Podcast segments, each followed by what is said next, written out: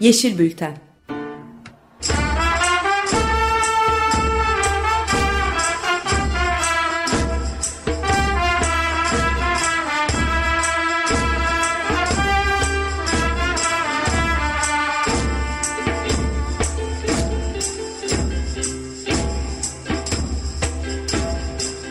Hazırlayan ve sunan Utku Zırı. 8 Şubat 2024 günlerden Perşembe 95.0 Açık Radyo'dasınız değerli dinleyenler. Ben Utku Zırı, Teknik Masa'da Andrei Grisko. Bu haftanın Yeşil Bülteni'ni bizi her nereden dinliyorsanız eğer oraya misafir etmeye çalışacağız. Ee, tarihi altını bir kez daha çizeyim, şöyle çizeyim, iki gün öncesinden çizeyim. 6 Şubat e, 2024'ten çizeyim. E, malumunuz büyük depremlerin e, yıl dönümüydü iki gün öncesinde. E, Türkiye'nin tarihinde gördüğü en acı e, günlerin yaşandığı e, ve yaşanmaya da aslında devam ettiği bir yıl geçirdik. E, pek çok e, ili, pek çok hayatı çok sert bir biçimde etkiledi e, malumunuz e, 6 Şubat depremleri. İki büyük deprem hatta bir üçüncüyü de belki yanına koymak lazım. Büyük depremler yaşadı aynı günde e, kentlerimiz, şehirlerimiz yerle bir oldu. E, on binlerce bina e, yerle bir oldu. E, hayatlar e, söndü, sona erdi ya da e, çok zor bir e, yaşam mücadelesi içerisinde buldu geride kalanlar da kendilerini. Böyle acı bir bir yıl geçirdik. E, bu bir yıl boyunca hakkıyla konuşabildik mi desek depremi mümkün olmadı. E, bunu da e, kabul etmek lazım. Araya bir seçim girdi. Yaklaşan bir seçim gündeminin içine karıştı aslında deprem. E, yani bu 6 Şubat anmalarının birebir e, nasıl yer aldığına şöyle bir medyada baktığımızda çoğunlukla e, siyasi e, meseleler üzerinden e, konuşuldu, görüldü. E, Türkiye gerçekten anlamlı bir tartışmanın içinde e, benim gözlemlediğim kadarıyla bir türlü bulamadı kendini. Evet, deprem güvenliği hala bir mesele ama bunun ne kadarı e, yerel seçimlerle ilgili işte o insanlara e, verilecek oyları için verilecek vaatlerle ilgili ne kadarı gerçek, samimi e, bir şekilde tartışılıyor. E, bunda benim kendi görüşüm e, bir samimiyet olmadığı yönünde. E, çünkü hani bakıyoruz bir yandan da şeye e, deprem bölgesine, oradaki hayatlara, orada yaşananlara. E, kişisel gözlemimi söylüyorum e, insanların e, zorlukları, insanların e, yaşamını devam ettirmedeki e, zorlukları e, çok da e, gündemde değil, e, çok da doğru boyutlarıyla işlenemiyor. İşte 6 Şubat'ın yıl dönümünde bir gün öncesi, bir gün sonrası bolca e, konuştuk. Bolca insan hikayeleri görme fırsatı bulduk belki. Ama işte iki gün, üç gün bundan ibaret kaldı ne yazık ki. Biz de bu çerçevede birazcık e, bugünü e, depremi, 6 Şubat depremlerini ve bu geçen bir yılı konuşmaya ayıralım istedik. Malumunuz biz Türkiye'deki çevre ekoloji mücadelelerinin gündemleriyle belirliyoruz. Yeşil Bülten'in gündeminde. E, bugün de bir rapor var e, elimizde. Ekoloji Birliği ve İklim Adaleti Koalisyonu tarafından hazırlanan Ekoloji Örgütleri birinci Yıl Deprem Raporu. Bu başlıklı raporu da kiminle konuşacağız? Halime Şaman konuğumuz. Merhaba, hoş geldiniz Halime Hanım. Hoş buldum Mutku Bey, sağ olun. Ee, ben kendi gözlemlerimi, kendi hissiyatımı biraz paylaşmaya çalıştım ama e, sizde çok daha fazlası var. Yani bu geçtiğimiz bir yıl boyunca e, aktif bir biçimde ekoloji örgütleri fiziken orada olmasalar bile sürekli orayla irtibat halinde e, bir e, zaman geçirdiler. Bu geçen zamanı da e, bir raporla yani yazılı bir e, kanıt kayıt bırakarak e, geleceğe birinci yıl raporuyla e, sundunuz, ortaya sundunuz. Dinleyenlerimizle de şunu paylaşayım. E, rapora eğer isteyenler iklim adaleti koalisyonu.org sitesinden de ulaşabilirler. E, bunu paylaşmış olayım şimdi bizi belki bilgisayarı başında dinleyenler varsa. E, ve sözü size bırakayım aslında. Bu rapor nasıl hazırlandı? Bize öncelikle bir bunu anlatın sonra e, raporun detaylarını konuşalım. Ya biz e, öncelikli olarak gerçekten çok teşekkür ediyoruz. Yaşanılanın fotoğrafının çekilmeye çalışıldığı bir boyutuyla ekoloji temelli ama sadece ekoloji temelli bir bakış açısında kalamayan, e, sosyolojik olarak da değinmek zorunda kaldığımız e, bu raporları insanlara ulaştırma imkanını sağladığınız için. Aslında bu depremin birinci yıl raporu e, hemen depremin ardından alanda yaptığımız çalışmalar, gözlemler ve temaslar sonucu oluşturduğumuz e, ekolojik temelli deprem raporunun bir yıl sonundaki hali. Yani bir devam niteliğinde. Ama geçen zaman tabii ki e, iç hacmini arttırdı, e, yeni verileri getirdi ve aslında biz bu raporu oluştururken ekoloji örgütleri olarak, ekoloji hareketleri olarak ki iki e, Türkiye'nin en büyük çatısı bu işe girişti. Ekoloji Birliği ve İklim Adaleti Koalisyonu. E, gönlümüzden geçen muradımız şuydu. Alandan bilgileri alıyorduk ama iyi şeylere rastlarızı çok ümit ettik. E, fakat rap, raporu tamamladığımızda e, maalesef bu konuda çok da mutluluk verici, çok da rahatlatıcı adımlar atılmadı gerçeğiyle bir kez daha yüzleşmeye zorunda kaldık. Deprem bölgeleriyle bağımız hiçbir zaman kopmadı. Hem aktif ziyaretlerle, ortak geliştirdiğimiz zaman zaman projelerle devam etti. Hem de ekoloji örgütleri birbirleriyle çok dayanışma halinde olan, çok iletişim halinde olan yapılardır.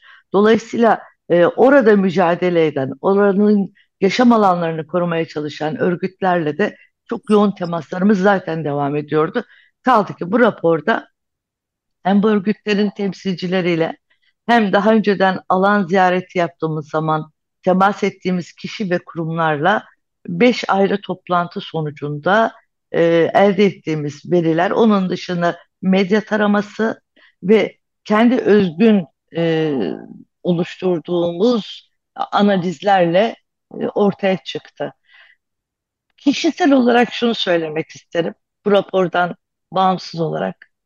E, nedir derseniz, ben de bıraktığı izlenim şu biliyor musunuz? E, depremden sağ kurtulanı sağ kurtulduğuna pişman ettiğimiz bir, bir yıl geçirmişiz. Bu galiba en yakıcı durumu raporun.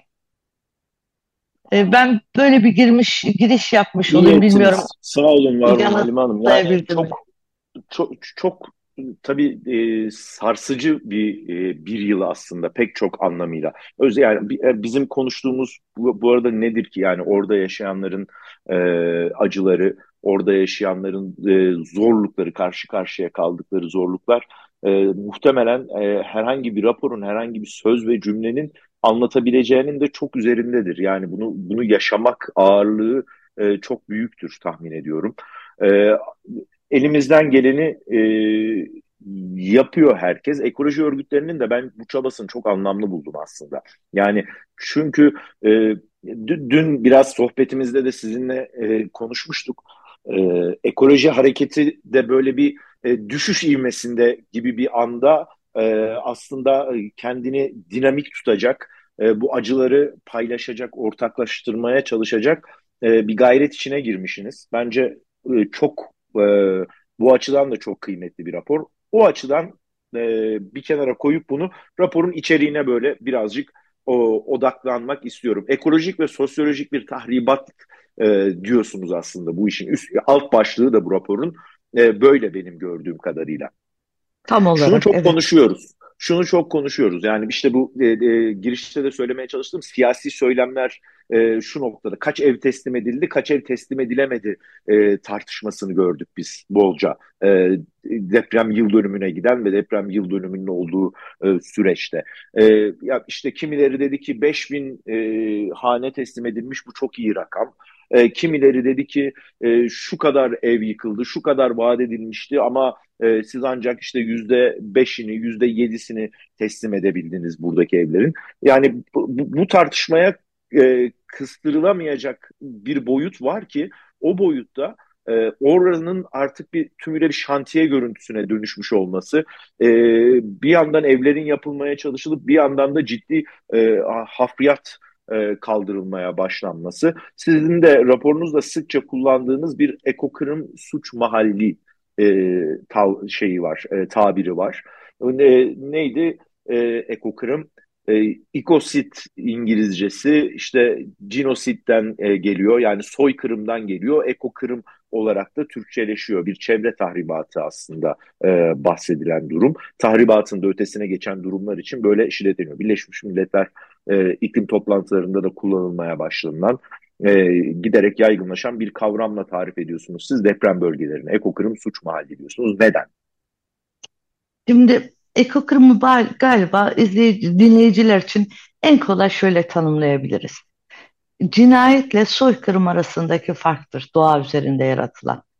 Yani bir daha yarattığınız tahribatın geri döndürülememesi halidir. O yüzden insanlığa ya da e, canlılığa karşı işlenmiş ağır suçlar arasında yer alır. Bu yılda Avrupa Birliği'nin e, yasalarına, yani ülkelerin yasalarına dahil edilmesiyle ilgili bir karar gelişti. Bu çok önemli.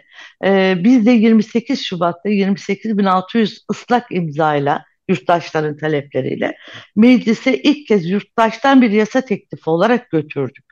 E, ve bu e, yasalarda yerini bulması için de orada herhangi bir parti ayırt etmeksizin mümkün olduğunca konsensüsü sağlayıp reddedilmeyecek hale ve kabul edilecek hale getirmek için çalışmalarımıza devam edeceğiz. İşte bu kadar büyük suçun en iyi gözlemlendiği yerlerden biri deprem alanları. E, rapordan da e, eğer okurlarsa ki çok isteriz bunu görecekleri şu olacak. Yani öncesinde deprem gelişmeden önce bir ekokırım var. Çünkü yaşam alanları, tar e, tarım arazileri, sulak alanlar kentleşmeye, çarpık kentleşmeye açılıp yapılmayacak yerlerde yıkımın nedeni oldular. Ve şu ana kadar bu e, yaratılan tahribattan dolayı bir tane sadece kamu görevlilerinin sorumlu tutulduğu bilirkişi raporu var. O da Konya Üniversitesi'nden çıktı.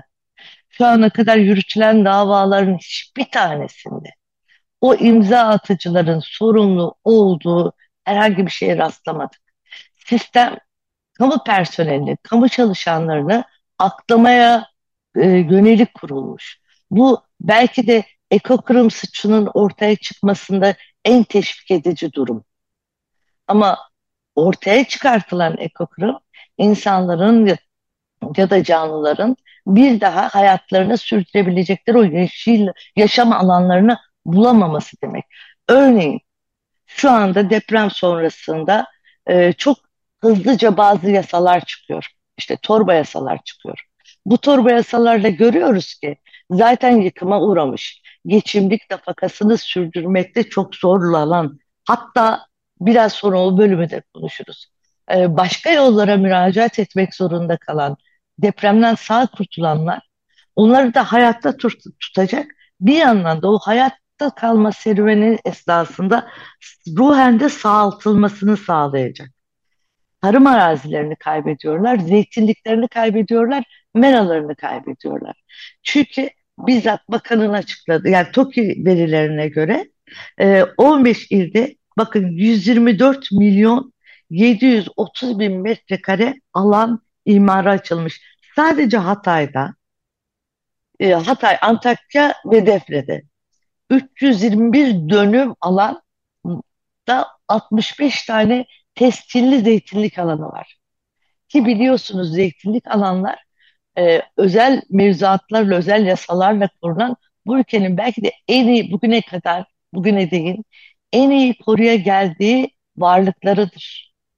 Ama deprem olgusu bir fırsatçılık, bir kural tanımazlık, yasa tanımazlık ortaya çıkarttı. Zaten yasaların e, delinmesiyle, yasaların çiğnenmesiyle ortada devasa bir kayıp varken bu kayıpları kanartacak, arttıracak yeni yasaları çiğneme, yasaları tanımama edimleriyle karşı karşıyayız. Bu gerçekten kabul edilemez. Halime Onun Hanım, dışında e, ha, buyurun lütfen buyurun. devam edin siz. Ben e, araya girip bir şey soracaktım ama yani güzelce Lütfen sorun öyle ilerleyelim. aslında şunu soracaktım. Yani e, şu an yani öyle bir hal var ki e, yani milyonlarca insanın aslında yaşam mücadelesi verdiği bir durumdan bahsediyoruz ya.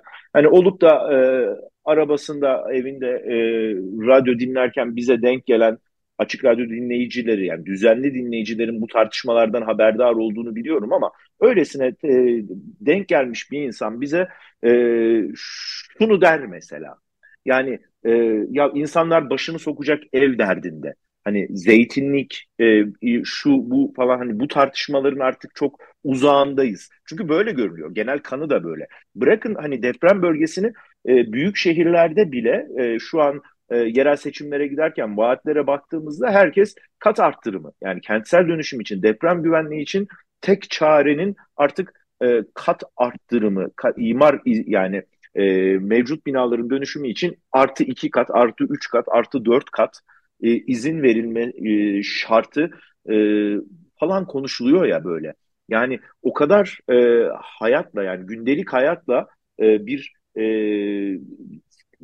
nasıl diyelim ekolojik ya da doğayla uyumlu yaşam arasında açı çok açılmış gibi geliyor bana. Nasıl değerlendirirsiniz? Bu açının genişliği sanki deprem bölgesinde çok daha yakıcı bir hal almıştır değil mi?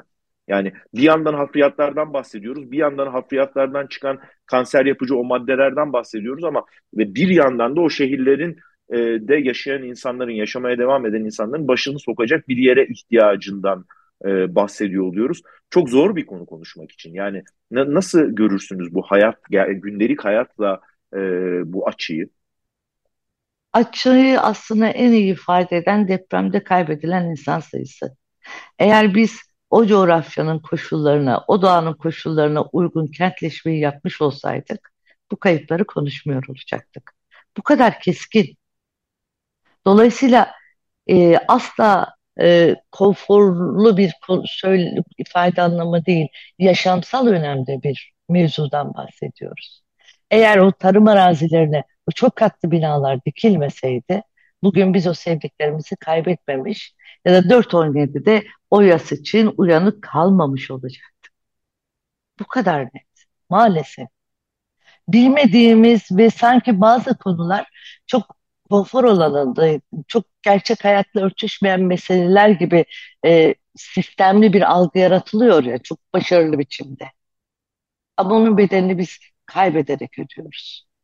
Ve e, kendi yaşamlarını garantiye almış insanlar, topluluklar, zümreler bu kayıpları yaşamıyor. Gelin isterseniz depremdeki şeye bakalım, konteyner kentlere bakalım. Şu anda konteyner kentlerde kimler yaşıyor? Kentin yoksulları yaşıyor, kentin ötekileri yaşıyor. Orta gelir ve üzerinde olanlar kendilerini, orta geliri çok buna dahil etmeyebiliriz ama o üst segmentine doğru. Kendilerine daha güvenli yaşam alanları kurdular. Ama o konteyner kentinin plastik yaşamlarına, çamur içindeki yaşamlarına yoksullar maruz bırakıldı. Halime Hanım bence o kadar kritik bir nokta ki söylediğiniz. Yani e, nitelikli bazı tartışmalarda ben şunu gördüm. Yani geçici yaşam alanları daha nitelikli inşa edilebiliyor aslında. Böylece insanlar şu baskı altında hissetmiyorlar kendilerini. Hemen bir an evvel evler yapılma, evimiz yapılsın, bir yere girelim. Ne pahasına olursa olsun o binalar dikilsin. Çünkü o korkunç şartlardaki çadır kentler, konteyner kentler birazcık insanları bu baskı altına da alıyorlar. Öyle değil mi? Yani e, diyor ki insanlar zeytinlik meytinlik neyse ne bir bina dikilsin ben de başımı sokabileyim bu konteyner kentin pisliğinden. Orada oysa ki e, hızla kısa sürede geçici ya ama geçiciden kastım da şöyle bir yıllık iki yıllık değil insanların belki 10 yıl 15 yıl nitelikli biçimde yaşayabileceği e, geçici barınma alanları kurulabilir. Dünya böyle yapıyor gördüğüm kadarıyla yani Japonya ve benzeri deprem ülkelerinde yapılan şey nitelikli e, bir e, odanın içine e, insanların sıkıştığı değil de nitelikli e, konteyner, konteyner da değil gerçi, nitelikli geçici barınma alanları. Bunları uygulamıyor olmamız aslında bu e, imar, bu, hadi inşaat, hadi bir an evvel bitirelim baskısını da arttırıyor sanıyorum şeyde e, insanlar üzerinde. Utku Beyciğim, barınmayla barınağı birbirine karıştırıyoruz. İnsanlara barınaklar yapılıyor. Hayvan türüne yaptığımız e, davranışın aynısını insan türüne de yapıyoruz. Niyetle ilgili, yaşamı algılayış biçimiyle ilgili. Dolayısıyla bir barınma değil, barınak koşullarını sağlıyoruz. Ve bu sağladığımız barınak koşullarıyla da e, ölümü gösterip sıtmaya razı ediyoruz.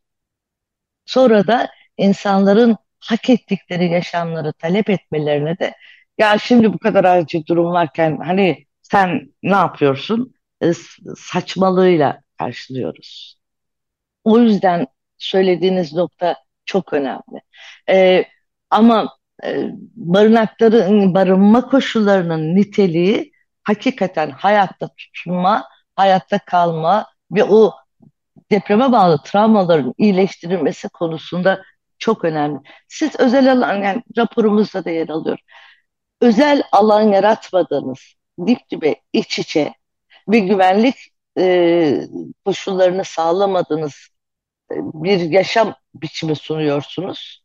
Sonra da üst üste dizilmiş sefer taşları gibi hayatlara e, mutlulukta gitmesini istiyorsunuz insanlardan. O koşuldan sonra tabii ki gidiyor. Ama mesela Antakya'da insanlar diyorlar ki yapacağınız konutlar bizim alışkanlıklarımıza uygun değil. Ya biz kadim bir geçmişten geliyoruz ve bizim bazı alışkanlıklarımız var kent yaşamını sürdürürken.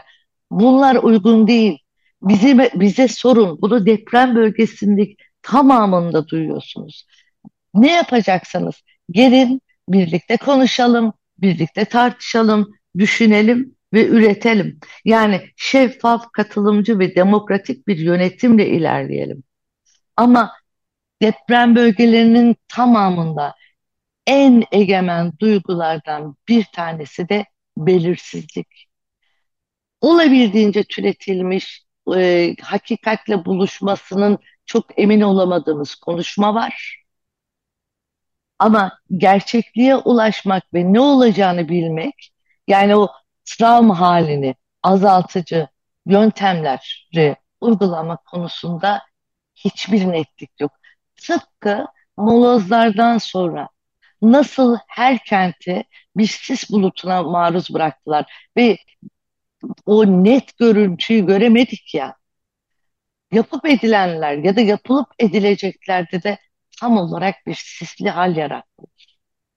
Ya insanlar bir defa güvenli evlerinden deprem nedeniyle başlarına yıkıldı, çıktılar ve bir daha o güvenli alanlarını bulamadılar. Bunu hiç kimsenin, hiçbir kurumun, hiçbir mekanizmanın yapmaya hakkı yok. Çünkü eğer devletten bahsediyorsak devlet yurttaşını korumak, kollamak ve bir sosyal devlet olmak dışında niçin var? Sadece ordusuyla mı var, silahıyla mı var? Yaraları sarmayacaksa o ne için var? Halime Hanım, şöyle bitirelim. Yani son e, bir iki dakikamız. O, o, o sebeple çok da sözü uzatmadan size bırakmak istiyorum. Bir son bölümünde aslında nasıl olmalı diye tartışıyorsunuz. Bu niçin var e, bu devlet e, dediğinizde e, aslında nasıl olmalıydı sorusunu da e, akla getirelim e, diyorum. E, bu iş nasıl yapılmalıydı? Şöyle çok zor biliyorum ama bir dakikada bu hata gözlemlediğiniz sorunlarla birlikte aslen nasıl olmalıydı da söylerseniz bize böylece kapatmış olalım yayını. Buyurun lütfen. Ya ben çok özür diliyorum. Neredeyse rapora hiç girememişiz. Onu fark ettim. Doğru. Doğru. Evet. Ee, yani o kadar çok konuşacak var konu var ki. Bir defa e, insanların bir arada olup haklarını talep etmeleri gerekiyor. Çünkü yasalarda bu haklar tanınmış. Bakın rapordan birkaç rakam vereyim. Çarpıcı olacaktır. Geçen e, şey deprem olmadığı yılda 28 tane bölgede toplu konut projesi var çek başvurusuyla. Deprem olduktan sonra kaç tane biliyor musunuz? Bir. Bu şunu düşündürüyor. Ya e, yapılan projeler çevreye uyumu açısından, çevreye zarar vermeyeceği açısından e, mevzuattan kaçırılmış ya da oraya hiç inşaat yapılmamış. Ama yapıldığını görüyoruz anahtar teslimlerinden, e, başka edimlerden ya da bakanlığın ilgili yazılarından. Ya da çok etkileyici yani Hatay bölgesinde %70 oranında maden projelerinde artış olmuş. Deprem illerinin tamamı kum, çakıl ocağı, beton santrallerine dönüşmüş. Bakın 22 il ve ilçede beton santrali kuruluyor. Yani doğayı bu kadar yıkacak sistem. Yani zaten yıkıma uğramış bölgede. Bunun sadece 12 tanesi Hatay'da. 12 tane beton santralinin ne işi var Hatay coğrafyasında? Çünkü orada hayat devam ediyor. İnsanlar zeytinini toplayacak, narencesini toplayacak. Yani hayata tutunacak. Hatırlarsanız geçen yıl ekoloji hareketleri bir çalışma yaptı. E, tencerelik üretim için askıda fide. O kadar can suyu oldu ki o bu yıl yine isteniyor. Çünkü hayat sadece bir eve kafanı sokmandan değil, o tencereye ne koyacağınla da ilgili. O yüzden o tarım arazilerinin kaybedilmemesi gerekiyor. O yüzden o meraların kaybedilmemesi gerekiyor. Sütünü sağsın çocuğuna en azından süt içirsin. Çünkü bu depreme uğrayan yöreler yaşamın böyle aktığı yerler. Ve siz o yaşam biçimini değiştiriyorsunuz. Ha ne yapılmalı?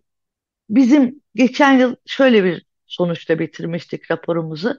Ekolojik temelli yeni bir hayatı inşa edebiliriz. Ama bir yıl sonundaki raporumuzda gördük ki bunun uza yakında bile yak gelmemişiz. Tam tersi uzaklaşmışız. O zaman şimdi şunu öneriyoruz ve bu doğrultuda çalışacağız. Bir araya gelip dayanışmak ve haklarımızı, hakkımızı, hakkımız olmayanı değil bakın, hakkımızı talep etmek, bu konuda ısrarlı olmak gerekiyor. Çünkü yasalarla tanımlı haklar günlük hayatta kendisini bulamıyor. Halim Hanım çok teşekkür ediyoruz efendim. Çok sağ olun var olun. Bu son sözler de önemliydi. Değerli dinleyenler evet. konuğumuz Halime Şaman'dı. Ee, birinci yıl dönümünde ekoloji örgütlerinin hazırladığı deprem raporunu konuştuk. Kapatırken destekçimiz Nat Arslan'a da teşekkür ederim. Bir sonraki işi bültende görüşmek dileğiyle. Hoşçakalın.